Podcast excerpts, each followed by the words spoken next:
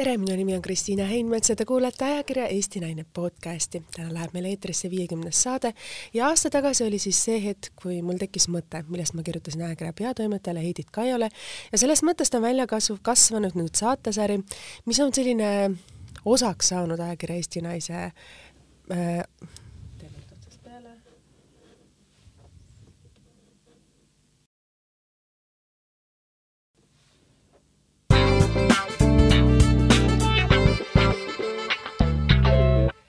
tere, minu nimi on Kristiina Heinmets ja te kuulete ajakirja Eesti Naine podcasti.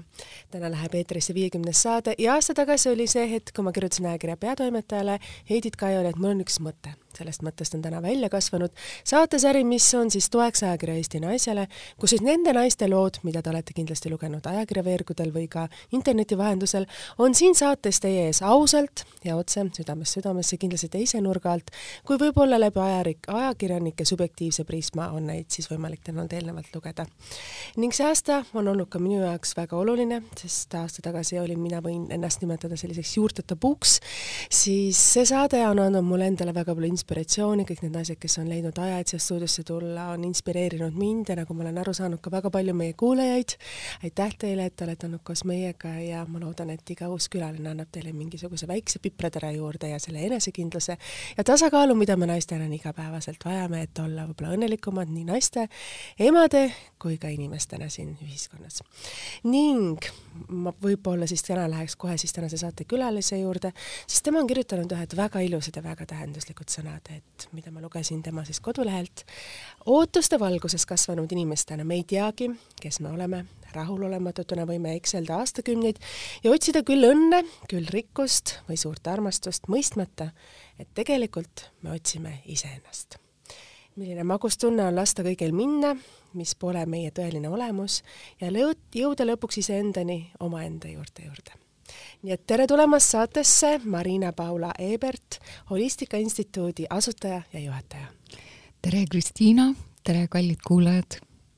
Väga armas on teid siin näha, ma tean, et te olete olnud väga tihedas graafikus septembrikuus, kuna teil on koolis algamas kõik need uued kursused ja nüüd seoses ka selle koroonaviirusega on ka tunnid päriselt toimumas, mitte enam Zoomi vahendusel. Ja et ka teiega sai see intervjuu pikalt ette lepitud, nii et läheme siis kohe nende teemade juurde, et te lõite selle kooli aastal tuhat üheksasada üheksakümmend kaheksa. see oli sellise holistika mõttes ikkagi väga selline algusaegade teema, et siis sellest väga ei räägitud. täna on ta kuidagi nii osaks ja tähtsaks ühiskonna teemaks saanud. et kuidas oli teie teekond võib-olla siis selle holistiliste teemade ja mõteteni? no mu teekond on olnud ju pikk et ega ma ei ole enam esimeses nooruses naisterahvas. ja see, et teha ühte kooli või, või teha siis instituuti, õppeasutust, et eks sellel ole ju oma eellugu.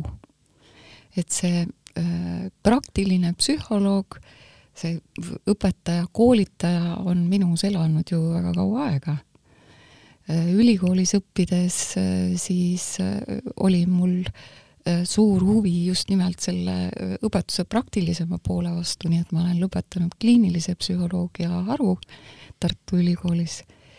Ja pärast lõpetamist ka öö, äh, olengi olnud praktiline psühholoog nüüd juba nelikümmend viis aastat seda võib-olla tasuks nii palju mainida, et nelikümmend viis aastat, sest te näete ikkagi imekene ja kaunis välja, kindlasti on sellel tegemist ka Saaremaa juurtel kus need helesinised silmad ja blondid juuksed on äh, pärit teie puhul.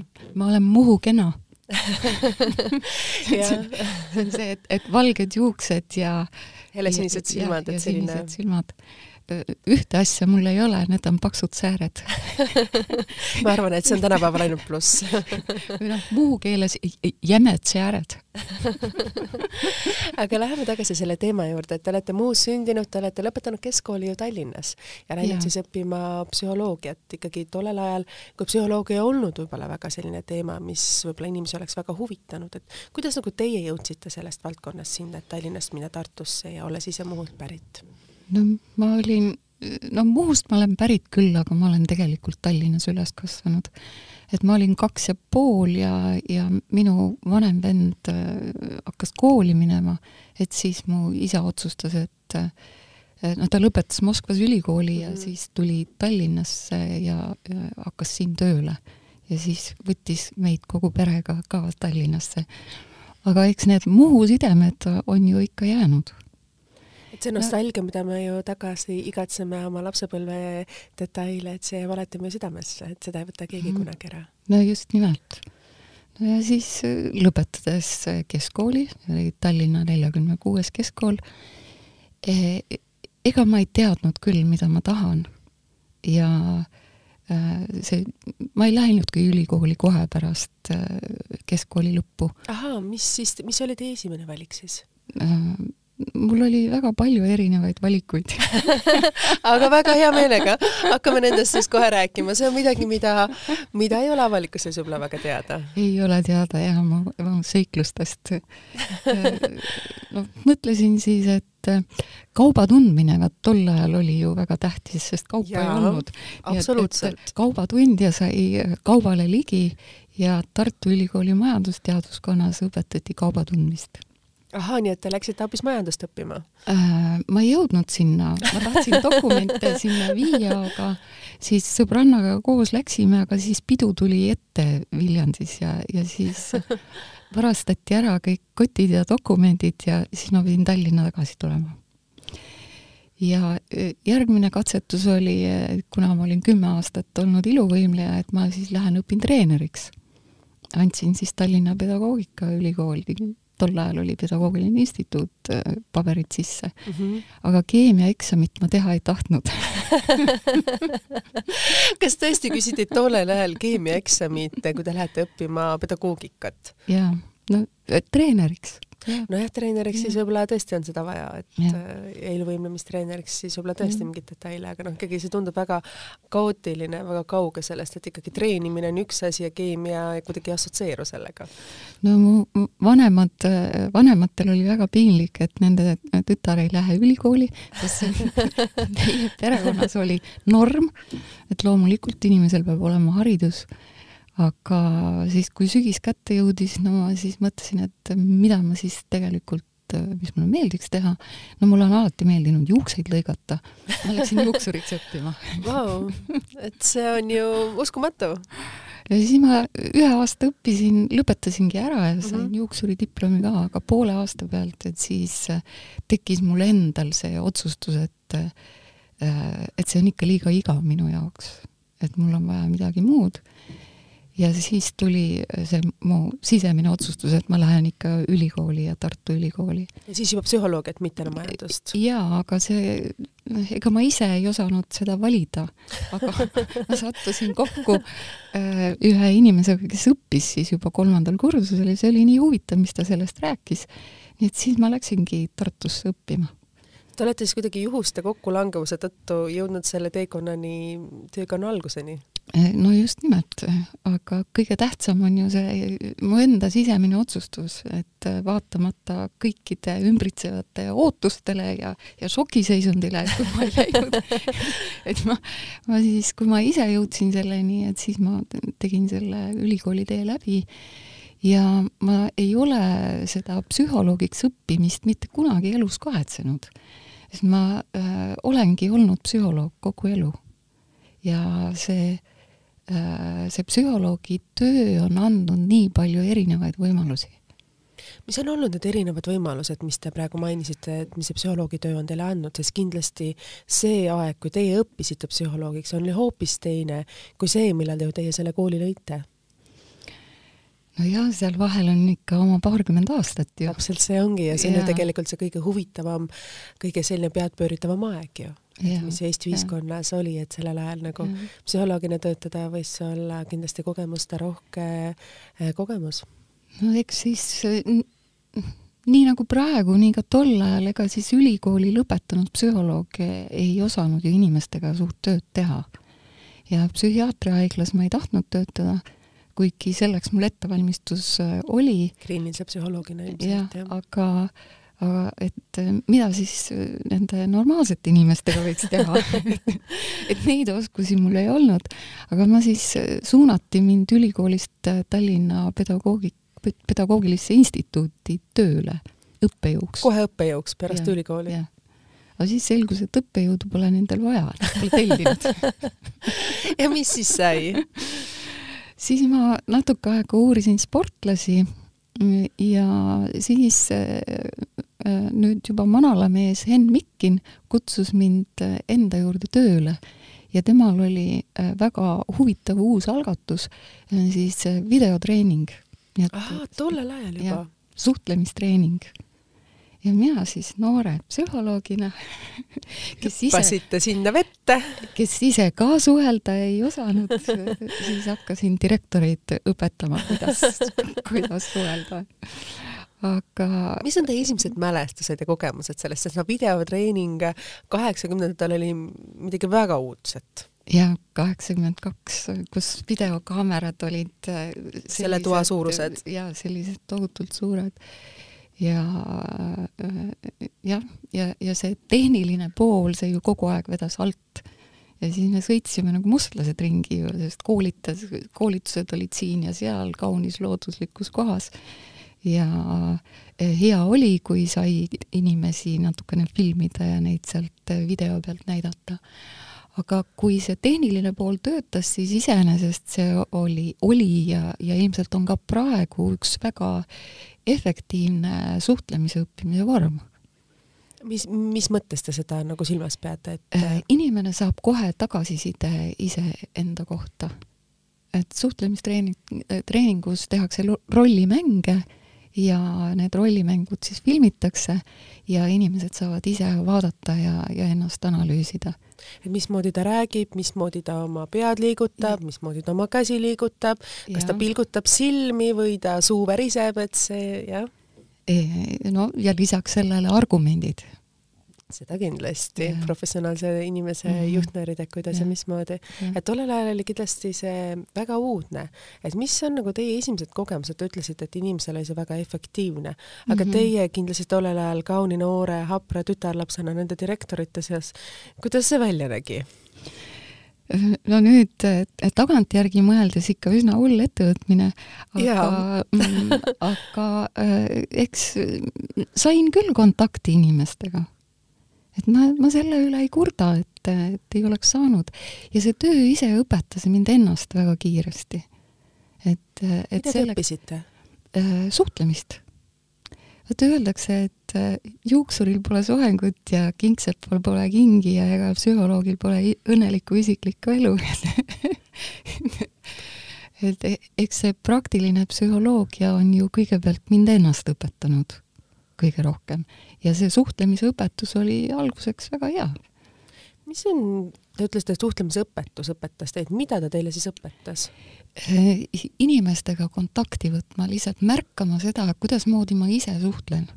ja, ja kindlasti palju enesekindlamaks ja palju julgemaks, kui ma siis tol ajal selline noh, vaevalt kolmekümnene ise oskasin olla et äh, õpetused olid head, võimalus oli ennast ju ka proovile panna ja, ja ka ennast vaadata sellest äh, videost. kindlasti. jah, nii et see oli äh, väga hea treening. kuidas sealt edasi siis? muidu väga tihti ju psühholoogid alustavad individuaalsest tööst mm, -hmm. sellisest mm -hmm. nelja silma tööst mm. -hmm. aga mina kohe Karsum direktorite peale. ja gruppide ette eks seal oli teisigi ju, mitte ainult direktorid, vaid äh, igasugused teenindajad ja õpetajad ja arstid ja psühhiaatrid ja nii et neid erinevate elukutsete esindajaid oli äh, väga palju. Ja siis ajapikku tekkis aina suurem huvi ka selle individuaalse töö vastu. nii et ma olen ennast koolitanud väga mitmes erinevas teraapia suunas eks see on, pereteraapia oli üks nendest, siis gestaltteraapia, mis mulle väga meeldis, kus äh, väga palju äh, töötatakse inimese emotsioonidega, et, et see kõik andis väga palju juurde nendele minu äh, inimestega suhtlemise teadmistele. et te siis sellest video, kuidas öelda siis, psühholoogilistest nendest praktisi-, praktiseerivatest äh, detailidest või kuidas öelda siis, sellest suunast ja. läksite siis sellisele silmast silma omaenda praksisele üle, kus siis see videotreening jäi võib-olla teisejärgulisemaks ja te siis lõite siis võib-olla öelda siis omaenda sellise kabineti või stuudio või kuidas see välja nägi? jaa, seda, seda ka, aga vahepeal oli üks veel väga huvitav etapp, et ma tegin õppekava kooli nõustajatele, koolipsühholoogidele noh, see oli siis kaheksakümnendate aastate lõpp, üheksakümnendate aastate algus. siis see oli täiesti uus programm, sest seda ja, vanasti ei olnud, siis alles hakati ju seda koolides praktiseerima. nii et teie olete kogu selle programmi looja ja kokkupanija, siis võib öelda? ei no üks nendest to,. To, tolleaegse. et eks see, mida praegu õpetatakse, no aeg on ju nii palju muutunud. aga ikkagi aga... teie olite üks nende loojate seast, kes siis no, hiljem on seda ju täiendatud ikkagi? No ma ei tea nüüd, kui palju sellest äh, ülikooli äh, varasalve üldse jäi, sest eks meil oli selline omaette äh, isemajandav üksus. ja jah, mm, need vahetevahel, kui ma kohtun mõnda tolleaegset õpilast, et siis nad ütlevad küll, et sellest oli kasu, sest see oli ka väga praktiline õpetus siis üheksakümnendate alguses, nagu ma saan aru, te siis olitegi omaenda praktisega, praksisega mm -hmm. ja siis, kuna teil oli nii palju erinevaid neid kogemusi ja erinevaid suundi, siis te panite kõik kokku ja lõite siis selle oma kooli aastal tuhat üheksasada üheksakümmend kaheksa. jah, aga tol, üheksakümmend kaheksa, siis ma elasin juba Kopenhaagenis. oota, kuidas te sinna sattusite? No, armastus? armastus jah, äh, armastus äh, mis väga ootamatult ka ellu tuli, et ega ma siis ju ei olnud ka väga noor inimene, et ma olin siis nelikümmend kolm, kui ma siit Eestist ära läksin. ja äh, abiellusin taanlasega.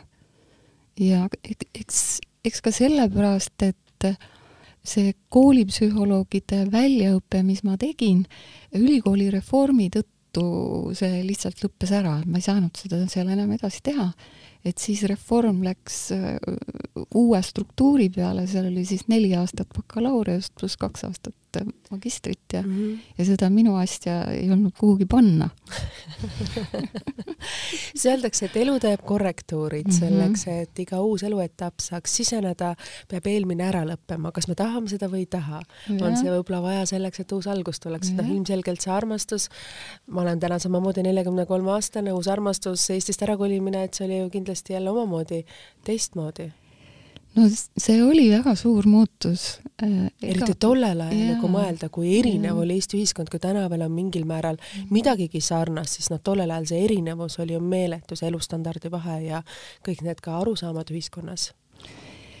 no e, Eesti elu oli minu jaoks äh, väga hea, ma ei ole kunagi kurtnud äh, selle elu üle, mis meil siin on olnud. aga noh, ma tundsin äh, oma siis Taani abikaasat juba mitu aastat enne seda, kui ma tegelikult äh, sinna Taani kolisin.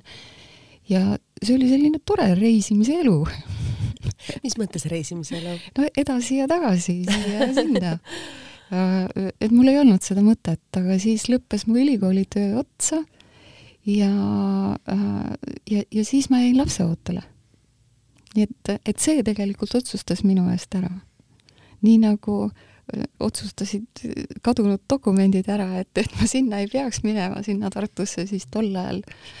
et siis nüüd minu kolimise otsustas ka ära hoopiski teine asjaolu nii et elu tuleb lasta iseendas elada, mitte, mitte püüda lasta, mitte püüda elada elu seda, mida sa tahad või kui sa lased elul elada iseendas, siis ta langetab need otsused ära, mis ongi pärast õiged.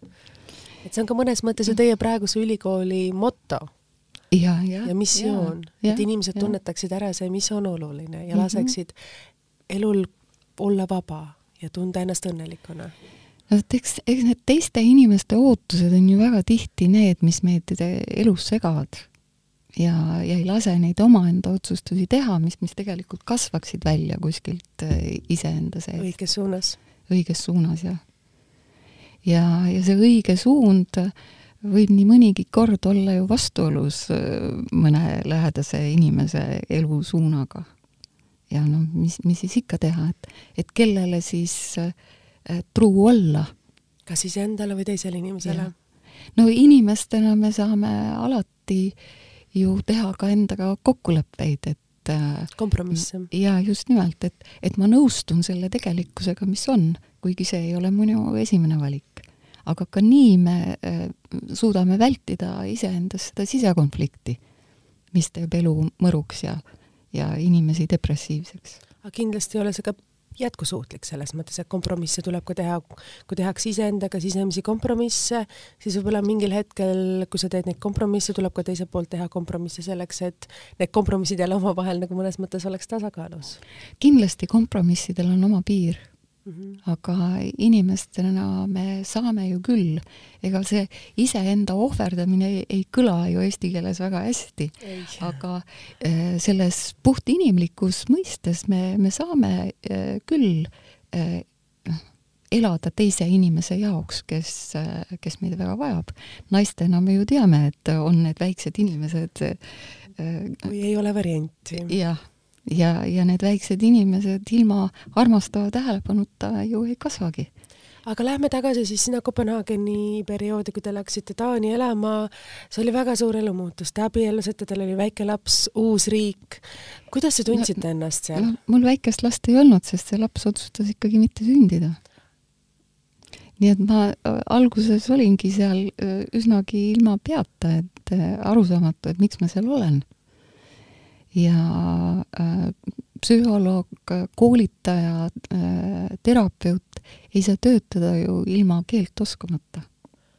et, et ega ma ju ei teadnudki äh, sinna minnes, et kas ma üldse veel kunagi psühholoogina töötan.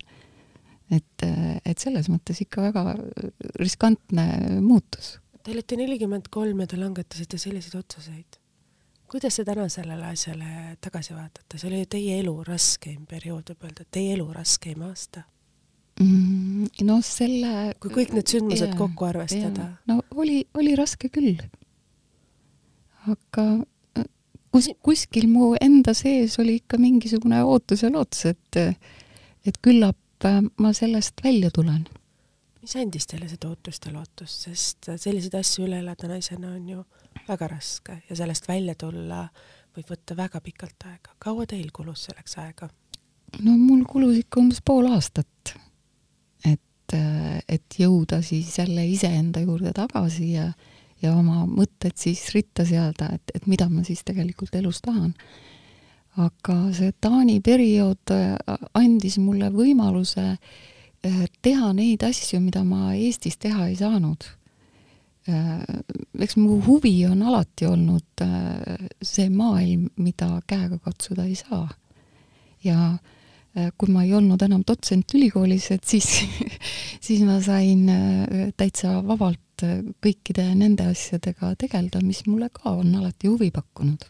tunnetada maailma teistmoodi ja vabamalt ja äh, astroloogia ja ter-, igasugune tervendamine ja, ja kõik äh, väga vanad põnevad süsteemid äh,. see oli põnev õppimine. et selles mõttes oli see ju väga hea omada neid vabu valikuid. ja siis õppisin keelt ja tegin eksamid ära ja sain äh, oma Eesti hariduse ära kinnitatud ja tunnustatud ja et ma siis äh, kaks ja pool aastat äh, siis mul olid kõik vajalikud paberid olemas, et ma olin siis Taanis autoriseeritud psühholoog, psühhoterapeut. Ja läksin õppima ühe väga huvitava naise juurde, kes tegi sisemaailma rännakuid no tal ei olnud psühholoogiaga mitte midagi äh, pistmist ja äh, psühhoterapeut teda ei sallinud üldse aga äh, need, tema nimetas seda psühhospirituaalseks tee juhtimiseks äh,. aga see, mida ma ise nendel sisemaailma rännakutel kogesin, see oli nii tervendav. ma olen eluaeg olnud idealist ja, ja otsinud äh, seda kõige paremat viisi, mismoodi saaks inimesi aidata, nii et äh, probleemid ei tuleks enam tagasi. kas see on võimalik? vot ma ise kogesin, et on ja te kohe julgete seda ausalt öelda? täiesti ausalt julgen öelda. sest mõnes mõttes võib öelda, et te läksite sinna, sest te arvasite, et te loote uue elu mm. -hmm. Ja. Te läksite ja te lõite uue elu, küll ja. mitte füüsiliselt, aga te lõite mm -hmm. ju vaimse elu, mis on tegelikult tänaseks teie laps mm, -hmm. teie suurim armastus ja kogu teie elu. et teinekord öeldaksegi, et, et suured inimesed ei pruugi luua võib-olla oma füüsilisi järeltulijaid, aga need äh, vaimsed järeltulijad või need vaimsus, mida ta loob, on suurem kui kõik muu. et võib öelda ju ka seda, tegelikult ongi tee, mida te sinna läksite tegema, mhm. tulite lõite ja te tõite selle Eestisse. Jaa, Kristiina, seda sa ütled küll väga ilusasti. Äh, jaa, muidugi kõrvalt praegu vaadates, teid kuulates, lihtsalt minu nagu selline kokkuvõte, et teinekord elu viib teid kohtadesse, mida sa ei arvesta, et mm -hmm. sa lähed sinna ühel põhjusel, aga see põhjus muutub selles ajas teistmoodi ja ta on ikkagi samasuguse väljendusega, küll võib-olla mitte enam sellel kujul mm. -hmm. no kui nüüd ma tagasi mõtlen, siis eks see lapseootus, et see oli küll äh, tegelikult ainus põhjus siin maamuna peal, mis suutis mind siit Eestimaalt äh, ära kolima panna. et selleks et, luua võib-olla teistmoodi laps ja,? jah, jah, et äh, teist mingisugust põhjust ei oleks küll olnud. ja siis ei oleks seda kooli võib-olla meil Eestis siis, olnud? jah, ei oleks ilmselt, võib-olla siis oleks olnud midagi muud, et eks ma ju otsija olen, aga aga seda kooli kindlasti ei oleks olnud. sest kindlasti see maailma teistmoodi nägemine ja kõik need kogemused, mida siis Eestis ei olnud ja et need mm -hmm. teieni tulid, nagu te ütlesite, et psühho-, psühhoterapeut ei sallinud see inimene, kelle juurde te õppima sattusite, et et kuidas teil oligi seal nagu olla, et te olete hoopis psühholoogiat õppinud ja holistika on hoopis midagi muud. et mis on neil ühist ja mis on nendel erinevat? Äh, no õppides äh, seal siis selle naise juures, kes äh, psühhospirituaalset teejuhtimist õpetas, siis ma sain teada, et on olemas transpersonaalne psühholoogia. et siit noh, Eestist minnes, ega meil ju ei olnud kõiki asju teada ja kirjandusele ei olnud ju ka juurdepääsu. absoluutselt mm,. siis sain, sain aru, et et äh, selliseid hulle psühholooge nagu mina on teisi veel. Kes, äh, kes uurivad äh, selliseid nähtusi, mis sinna akadeemilise psühholoogia sisse kuidagimoodi ära ei mahu. ja ma olen alati olnud ise õppija, nii et ma sain hästi palju oma Taani õpetajalt Inge-Liise Embült kelle juures ma neid sisemaailma rännakuid tegin ja, ja koolitusel käisin, aga ma edasi õppisin ju ise küll seda transpersonaalset psühholoogiat ja eks elu viis mind ju edasigi kokku huvitavate kohtadega ja inimestega. et ma äh, sattusin äh, siis tööd tegema ühte keskusesse, sellisesse alternatiivmeditsiini keskusesse, kus töötasid toitumisterapeudid, homöopaatid, akupunktöörid äh, ja nii massöörid. Ja äh, nemad hakkasid minu juurde saatma inimesi, kellel on äh, igasugused füüsilised probleemid ja äh, siis ma pidin ju välja mõtlema, et mismoodi neid inimesi saaks aidata just nimelt läbi nende sisemaailma rännakute. Te ütlesite väga huvitava lause, et ma pidin välja mõtlema. jah. kuidas see väljendub, et mis mõttes see te pidite nagu selle lahenduse leidma, et teile saadeti nagu inimesed, keda te pidite aitama Te pidite nagu sisemiselt leidma siis sellise tehnoloogia või sellised ideed või detailid, sellised... mida te ei teadnud, et kas need eksisteerivad tegelikult? ma ei, ma ei teadnud, aga mul oli, inimesel oli vaja abi ja, ja mul oli võimalus ju aidata ja, ja kuulata seda sisemist juhendust, et mis, mis see aidata võiks. kui kerge sama... või raske see oli? see oli väga põnev. põnev? jaa see oli ju erakordselt põnev. Äh, et äh, muidu psühhoterapeudi töö on ju selline, et äh, inimese meeleolu võib ju muutuda väga kiiresti. Ja, ja ega me seal ei saa väga selgelt ju näppu peale panna, et kuskohast see muutus siis on nüüd tulnud, et kas ta tuli selle teraapia pärast või oleks muidu ka tulnud aga kui me räägime inimese füüsilistest sümptomitest, siis ja, ja see teraapia on ainus, kus ta käib, mida ta teeb, siis on palju lihtsam need A ja B omavahel kokku panna, et, et see, see töö, mis teraapias on toimunud, et see on aidanud tal terveks saada. ja, ja noh, selles mõttes ju paremat tagasisidet ei saagi olla. nii et see äh, füüsiliste sümptomitega töö äh,, kehatöö, et see on äh, tänasel päeval ka just nimelt selle teraapia osa, mida Holistika Instituudis äh, õpitakse ja õpetatakse kuidas te ise nagu selle võib-olla sõnastaksite, et kui tullakse nagu sinna, teil on erinevad kursused ja kui tullakse nagu päris nagu sellisele pikemale programmile, nagu teil on nagu siis mhm. instituuti mm -hmm. nagu õppima, et millises seisus või mis peab olema selle inimese tõuge, et miks ta tahab nagu sinna tulla? et mida te ise nagu täheldate, nad mm -hmm. ise mhm. leiavad ju kindlasti teid üles, neil on mingi sisemine tunne või asjad, et teie ju selle juhatajana nagu näete, et mm -hmm. mis on võib-olla need suunad mis inimesi suunab teie juurde, sest noh, kui me vaatame seda, et teil on lõpetanud ligi tuhat inimest ja täna õpib mm -hmm. teil kakssada nelikümmend inimest, siis see on ju meeletu, kui suur kasv ja nõudlus on selliste instituutide järgi, sellise instituudi järgi? Jaa, seda küll, see on meile endilegi üllatuseks, et, et neid, neid soovijaid on äh, nii palju. Äh, kui ma registreerisin instituudi äh, Kopenhaagenis, siis alguses see oli holistilise teraapia instituut, aga mõne aasta jooksul sai selgeks, et, et meie äh, need põhiliselt inimesed, kes on huvitatud, et nad otseselt remonti ju ei vaja.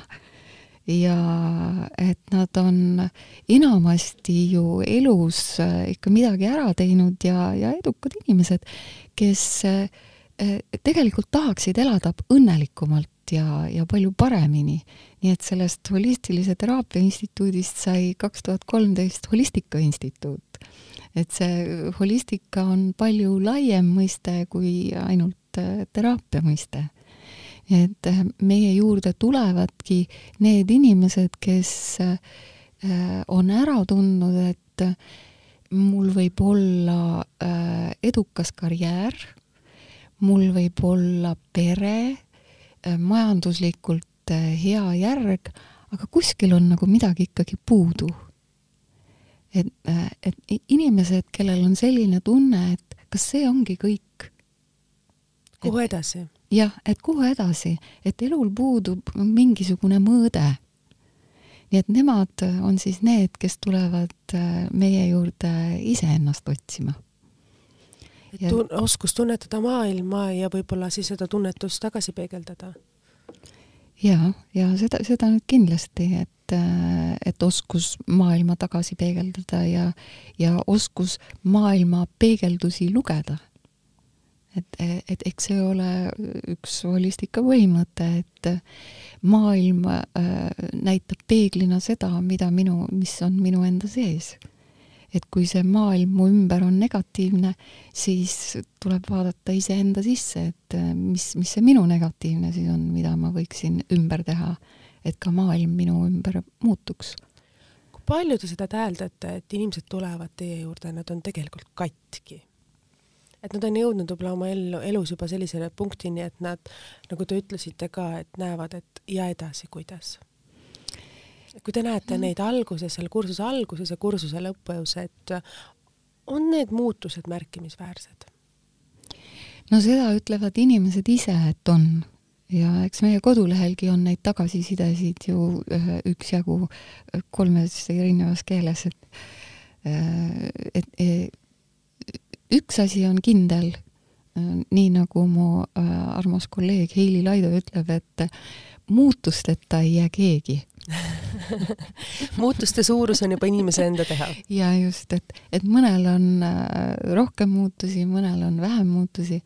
meil alles hiljaaegu oli üks äh, lõpetamine, lõpp, lõpuaktus, kus äh, meie siis need neli aastat õppinud terapeudid lõpetasid ja, ja siis oli selline kokkuvõtete tegemise aeg ja mm, siis nad ise rääkisid seda, et tegid kokkuvõtteid sellest, et kui palju muutusi nendega on toimunud nelja aasta jooksul, kui palju holistilisi beebisid on sündinud selle aja jooksul ja et, et kui palju on olnud äh, lahutusi, kui palju on olnud uh, uusi karjääre, mida inimesed on julgenud alustada, kuigi see, nagu see mõte või unistus on olnud, aga ei ole seda viimast tõuget olnud siis äh, on äh, päris hulk on neid, kes ütlevad, kui poleks seda holistikakooli, siis me oleks ammu ära lahutanud et on neid muutusi nii ühes kui teises suunas.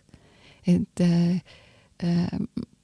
noh, mulle tundub, et hea on see, et inimesed leiavad need omaenda rajad üles selle esimese aasta jooksul, selle arenguaasta jooksul. mis on need etapid, mille peab nagu teie ülikoolis siis või instituudis siis nagu läbima, mis on see esimene etapp, mis on teine, mis on kolmas ja mitu neid etappe nagu teil on? no see esimene õppeaasta koosneb eh, kaheksast õppemoodulist, et iga õppemoodul on noh, keskeltläbi neli päeva, mõni on pikem ka ja nende äh, õppemoodulite ajal siis äh, inimesed liiguvad teemade mõttes läbi erinevate eluvaldkondade. et äh, kõigepealt millest ta algab äh,? algab äh, suhe äh, omaenda perekon-, perekonnaga, suhe emaga äh,, suhe turvatundega siin elus äh, ja äh, omaenda uskumused, mis on meie psühholoogiline baas.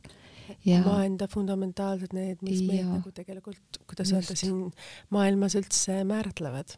jaa, et see meie, meie baas ja äh, kui on turvatunne, siis sellega tihti kaasas käib ka äh, see sisemine tunne, et äh, kõike on ju küllalt. Kui seda turvatunnet ei ole, siis äh, on äh, elu suhteliselt tasakaalutu, siis inimene on kas väga suur kontrollija väga tihti või väga usaldamatu teiste inimeste suhtes. nii et see, see esimene faas on siis äh, usalduse leidmine. kas seda leitakse? Mm, noh, mulle tundub küll nii et inimesed, kes sinna tulevad, nad suudavad iseennast leida paremana, nagu te olete ise kirjutanud, et Holistika Instituut on siis, kuidas öelda, inimese paremaks muutmise esimene etapp või samm või teerajaja jah, ma noh, väga lihtsalt eesti keeles ma olen öelnud, et Äh, see on elu paremaks muutmise õpetus väga praktiline. kas elu saab paremaks muuta? Muidugi saab. mis on teie sellised kolm reeglit, mida me kõik inimestena mingil, mingil hetkel tunneme, ma ei suuda, ma ei jaksa, ma ei tea, kuidas, mis on võib-olla teie kolm sellist näpunäidet? kolm sellist, ma ei tea, abc asja, mida te ütlete, et mis annab teile alati võib-olla selle suunamuutuse või enesekindluse või selle turvatunde hmm.?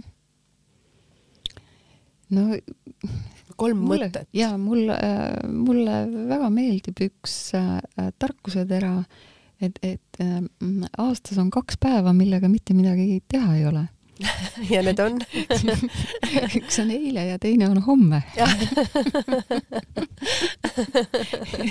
väga hästi öeldud. et see äh, meie endi vägi ja meie enda eluvägi on äh, olevikus, selles elus endas äh,. ja äh, kui me räägime depressioonist, kui me räägime muretsemisest, siis äh, see on ikkagi seisund, kus me ei ole selles oleviku hetkes. sest tavaliselt oleviku hetkel pole häda midagi. kui just ei ole näpp ukse vahele jäänud väga hästi öeldud jälle et, äh, et jah, see, et, et olevikus olemise oskus, et see on, see on kindlasti üks asi tunda rõõmu tänasest päevast ja elada oma elu selliselt, et sa tunned ennast õnnelikuna. jah, ja, ja, ja teine on see positiivne meelelaad. et äh, kui inimene ootab halba, siis ta ju seda loobki si. sinna, kuhu, sinna, kuhu läheb meie tähelepanu, sinna läheb energia ja seda me ka loome oma elus. et kui mul on hirmu, siis ma loon olukordi, kus on veel rohkem hirmu aga kui mu see üldine suhtumine ellu ja endasse on positiivne, siis ma loon rohkem neid võimalusi, kus ma seda näengi, et, et see elu selline on. kui palju on võib-olla olulisus inimesi, nendel inimestel või detailidel, mis meid ümbritsevad? Nagu te ütlesite, et me loome positiivsust, kui me mõtleme positiivselt, me loome negatiivsust, kui me mõtleme negatiivselt. aga teinekord me oleme situatsioonides, mis on meile ebameeldivad, et kuidas nendes näha head? no ma töötan terapeudina ju ikka mm -hmm. ja, ja terapeudina töötades äh, tuleb küll ette neid, keda sa ütlesid, et katkised inimesed ja, ja eks see katkine olek saab alguse ju lapsepõlvest. ja need lapsepõlved ei ole väga lihtsad ja äh, aga tervendada saab ennast ja oma lapsepõlve alati. ükskõik kui vanad me ka ei ole. et see tervendamise võimalus on äh, alati olemas. ja mm, see päris tervenemine äh, tuleb siis, kui inimene hakkab nägema ka seda mündi teist külge, ehk siis äh, Äh, kõik need kannatused, äh, mida, äh, mida me oleme läbi elanud, et need on meid, need on meid treeninud millekski. selleks, kelleks me oleme täna. just, et, et ja, ja andnud talente. et mõeldes oma tänase kliendi peale, kellega ma hommikul töötasin, et, et Äh, ta ise arvab, et on, äh, et ta lapsepõlv oli väga raske, äh, aga tänu sellele, et ta ei olnud lapsepõlves õnnelik, ta on, treenis oma tundlikkust, ta oskab inimesi väga hästi lugeda, ta on väga tundlik teiste inimeste emotsioonide suhtes, väga empaatiline, just nimelt tänu sellele, et tal endal oli raske. ja ja ta õppis väga kiiresti mõtlema, sest et raskes olukorras oli vaja lapsena ju kiiresti välja rehkendada, kuidasmoodi oleks õige käituda. nii et siin on juba väga mitu ju erinevat ja elus väärtuslikku oskust. Kas inimene saab ennast äh, niimoodi väga muuta, nagu te nagu praegu rääkisite, sest noh, fundamentaalselt öeldakse, et fundamentaalsed asjad, mis sul kaasa tulevad, on ju raske muuta, tulevad tihtipeale ikkagi tagasi, et me ikkagi laskume nendesse mustritesse, millesse me oleme harjunud. ja sinna juurde ka see, et tihtipeale on ju ka eitus üks osa sellest, et põgeneda oma sellest minevikust, oma raskustest või kas või oma detailidest lapsepõlvest, mida võib-olla me ei taha mäletada. Et kas, kas on võimalik tervendada, no siin ma juba ütlesin, et ma olen idealist, kes on elu jooksul proovinud ju väga mitmeid erinevaid teraapiaid Äh, ja äh, tõepoolest, äh, ega vestlusteraapiat suudagi inimesi aidata. mis on see, mis on kõige nagu sellisem sügavam asi, mis siis, mis siis peaks inimesi lõpuks nagu aitama? sisemaailma rännakud, et kui inimene paneb silmad kinni kuidas see käib? no see on, üldiselt on ju väga lihtne. aga räägime siin selle sellest, et kõik on teie jaoks lihtne, mina olen täiesti kõrvaltvaataja, väga rumal, tunnistan selles valdkonnas, sõna holistika minu jaoks alles hakkab täna siin leidma mhm. sellist laiemat arusaama, et kuidas mm -hmm. siis sisemaailma rännak käib? Äh, üks holistilise regressiooniteraapia seanss näeb välja siis umbes selline, saadakse kokku, äh, seansid on pikad kol-, kuni kolm tundi, selline tavaline teraapia on viiskümmend minutit, viiskümmend, kuuskümmend minutit, aga see on selline pikk äh, kolmetunnine seanss, osa sellest ajast äh, siis terapeut ja klient vestlevad omavahel, et äh, üksteisest paremini aru saada ja et leppida kokku, mis siis selle koostöö eesmärk võiks olla.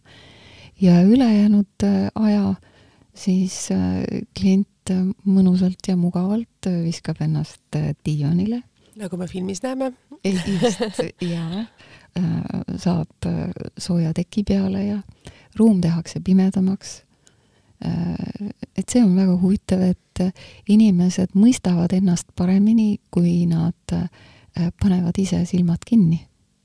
päriselt? päriselt no terapeut ja klient räägivad omavahel, eks see dialoog jääb ikka alles, aga selle vahega, et klient on sellises lõõgastunud meditatiivses seisundis, et tal on silmad kinni ja ta on rohkem avatud oma sisemaailmale. et ta märkab rohkem, mida ta tegelikult tunneb. ta märkab rohkem, mida ta oma kehas päriselt tunneb. ja see meditatiivne seisund äh, aitab sellele kaasa, et äh, alateadvused saaksid tulla äh, esile need pingekolded, mida me ise võib-olla igapäevases elus ei mäletagi. nii et kõik need erinevad asjad annavad täiesti erakordseid võimalusi, et läbi töötada neid päris asju, neid, mis muidu võivad jääda varju, sest äh, ainult äh, oma mõtlemise ja mõistusega äh, me ju võime asju iseenda jaoks muuta teistsuguseks kui nad nüüd tegelikult algsel kujul on olemas. ja võiks öelda, et selles seal alateadvuse väravad lähevad lahti ja, ja inimese psüühika on iseenesest nii tark, et mu kakskümmend pluss aastat kogemust nende sisemaailma rännakutega on pannud mind väga usaldama eh, seda inimeste psüühika enda tarkust, et eh, esile saavad tulla just nimelt need olukorrad inimese elust, mis kõige enam pingeid on tekitanud. ja neid olukordi meenutades, äh, neid uuesti vaadates sellises turvalises õhkkonnas on äh, võimalik äh, kogeda, läbi elada neid emotsioone, mida võib-olla tol ajal, kui see sündmus toimus, inimene ei julgenud läbi elada, ei julgenud jagada, ei julgenud kirjeldada, ei tahtnud üldse teadagi et eh, need on need olukorrad, mis kõige problemaatilisemad on eh, hiljem ja, ja mis kõige rohkem neid eh, elu segavaid sümptomeid tekitavad. nii et on võimalik neid lahendusi leida. aga eestlane on tagasihoidlik, kas eestlane hakkab rääkima? Eestlane ei kipu palju rääkima, no pigem hoiab asjad endasse, aga te ütlesite, et see rännak mõjub. kas mm -hmm. eestlane, teil on ju kogemus ka Taanis ja nüüd Eestis, et kas eestlane räägib? no kui ma nüüd kliente võrdlen, Eesti kliendid ja Taani kliendid, siis vahet ei ole. ei ole? ei. ja, ja siis inimesed ju kohe rääkima ei hakka, et see on ju terapeudi kunst, et äh, luua see usalduslik kontakt. ja minna sinna sügavale ja tunnetada ära, kui sügavale saab ja, minna. jah, et ilma äh, hea kontaktita, ilma usalduseta terapeudi ja kliendi vahel tuleb ühestki teraapiast mitte midagi välja. kas on olnud teil mõni klient, kus te tunnete, et te ei saa teda aidata, et teie vahel on sein, et te ei suuda sellest läbi murda? on, on olnud. Te olete, ütlete välja selle? jaa, äh, kui on sellised kliendid, kes tulevad ja ütlevad, et oo, ma olen teist nii palju kuulnud et ma käisin seal ja seal ja seal ja mitte kuskil ei ole mitte keegi mind äh, aidanud. aga vaat nüüd ma olen siin ja teie saate mind aidata ja mida teie vastate selle peale et, et äh, mina ei saa aidata, et, et see abi tuleb omavahelisest koostöös inimene et... peab ise tegelikult, teie peate in, viite inimese sinnamaani, et ta iseennast oleks nõus aitama? no fifty-fifty ütleks selle peale mm, -hmm. et, et vähemalt viiskümmend protsenti peab ikka kliendi enda poolt tulema. ja see, see muutmise ja muutumise soov peab olema.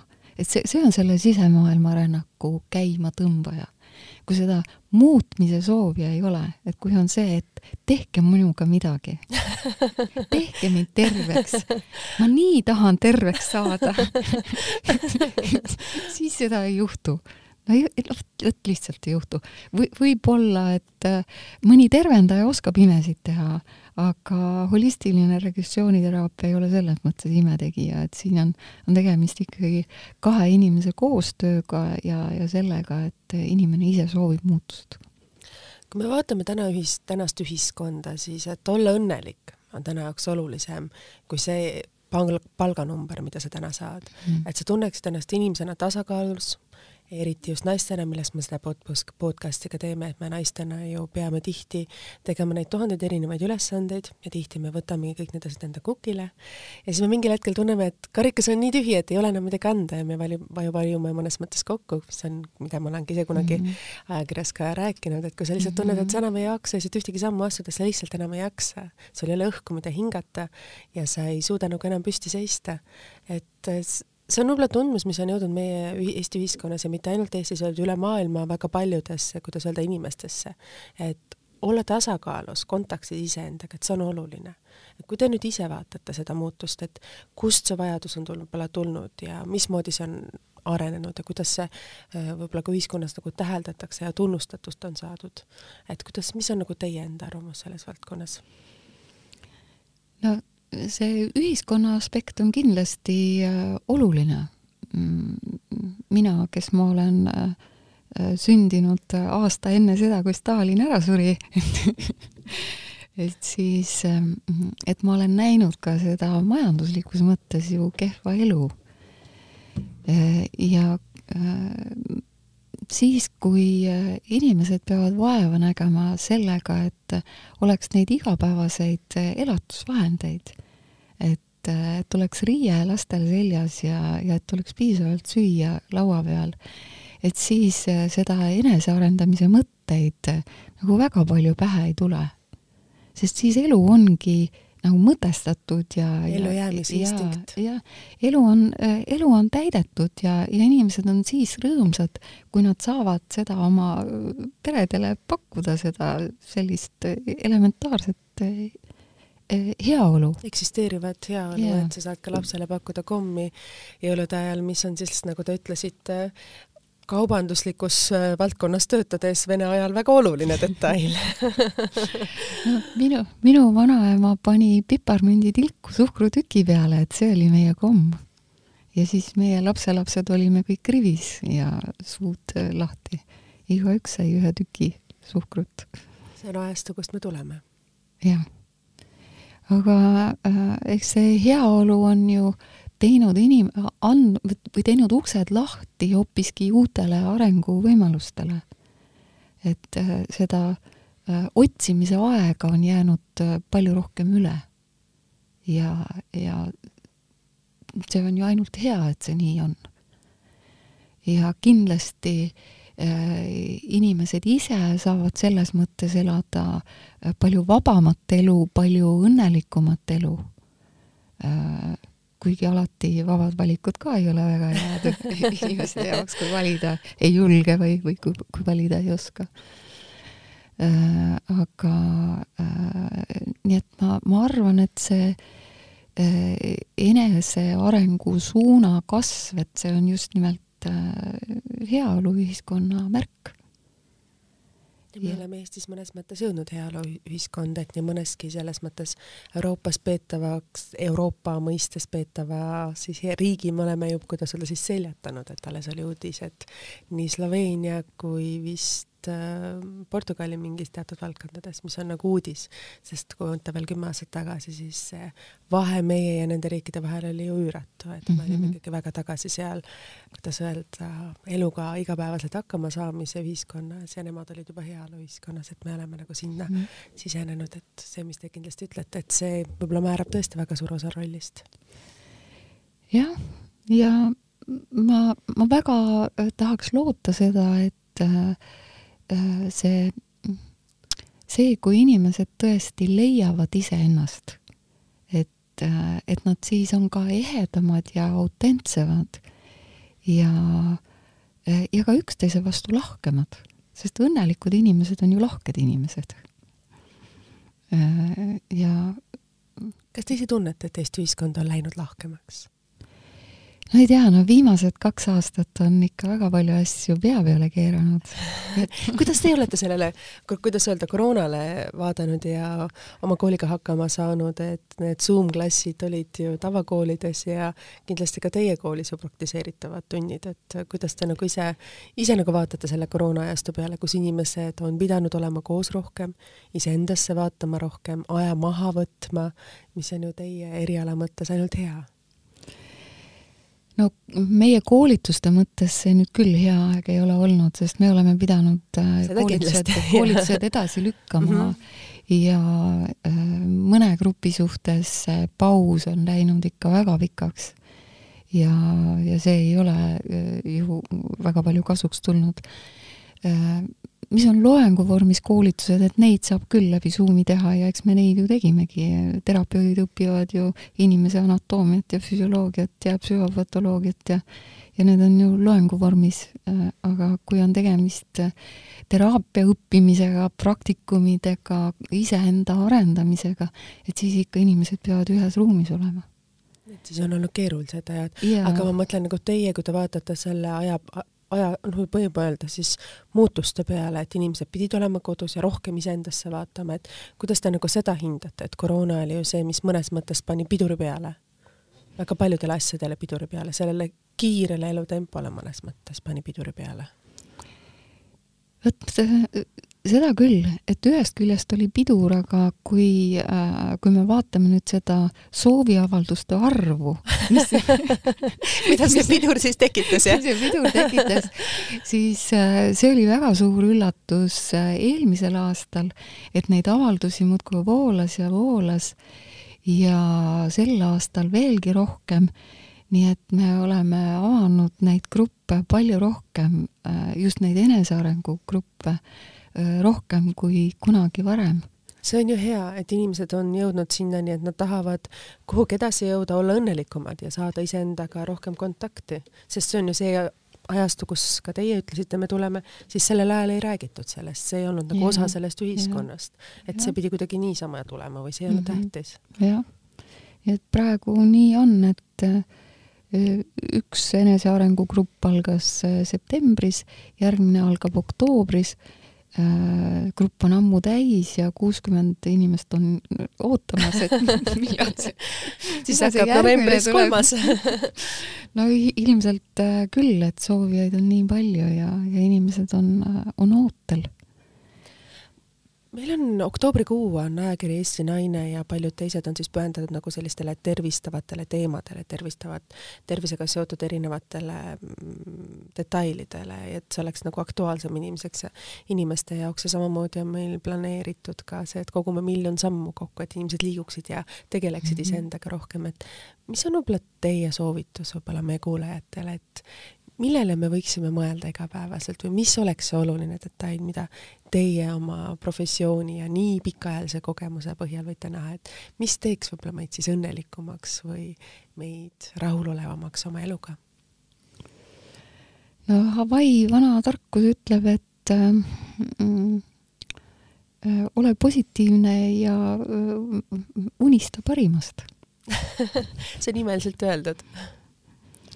Et, et kui sa unistad parimast, siis äh, võid saada natuke rohkem kui keskmine. Need on väga ilusad sõnad, mis te ütlesite. aitäh teile veel kord, et te leidsite aega, et siia saatesse tulla, ma ikka teietan teid kuidas öelda, selline harjumuslikult äh, kogemus, mis minul on endal kodust kaasa võetud äh,. oli väga imeline tunnikene minuga, minul teiega siin stuudios veeta, ma loodan, et ka kuulajad nautisid sellega, nii et veel kord kinnitan sõnu, unistada tuleb suurelt unistage seda, mida te võib-olla ei oskagi unistada, sest siis me piirdume sellise keskmisega, millega me võime võib-olla rahulduda. kui ma võtan õigesti sinu sõnad kokku, siis natuke parema kui keskmisega ikka kindlasti natuke parema kui keskmisega. veel kord suur aitäh teile ja kohtume teiega juba nädala pärast ja saade on ikka kuulatav ajakiri Eesti Naise Delfi taskukeskkonnas, Spotify's ja SoundCloudis. aitäh teile ja kohtume nädala pärast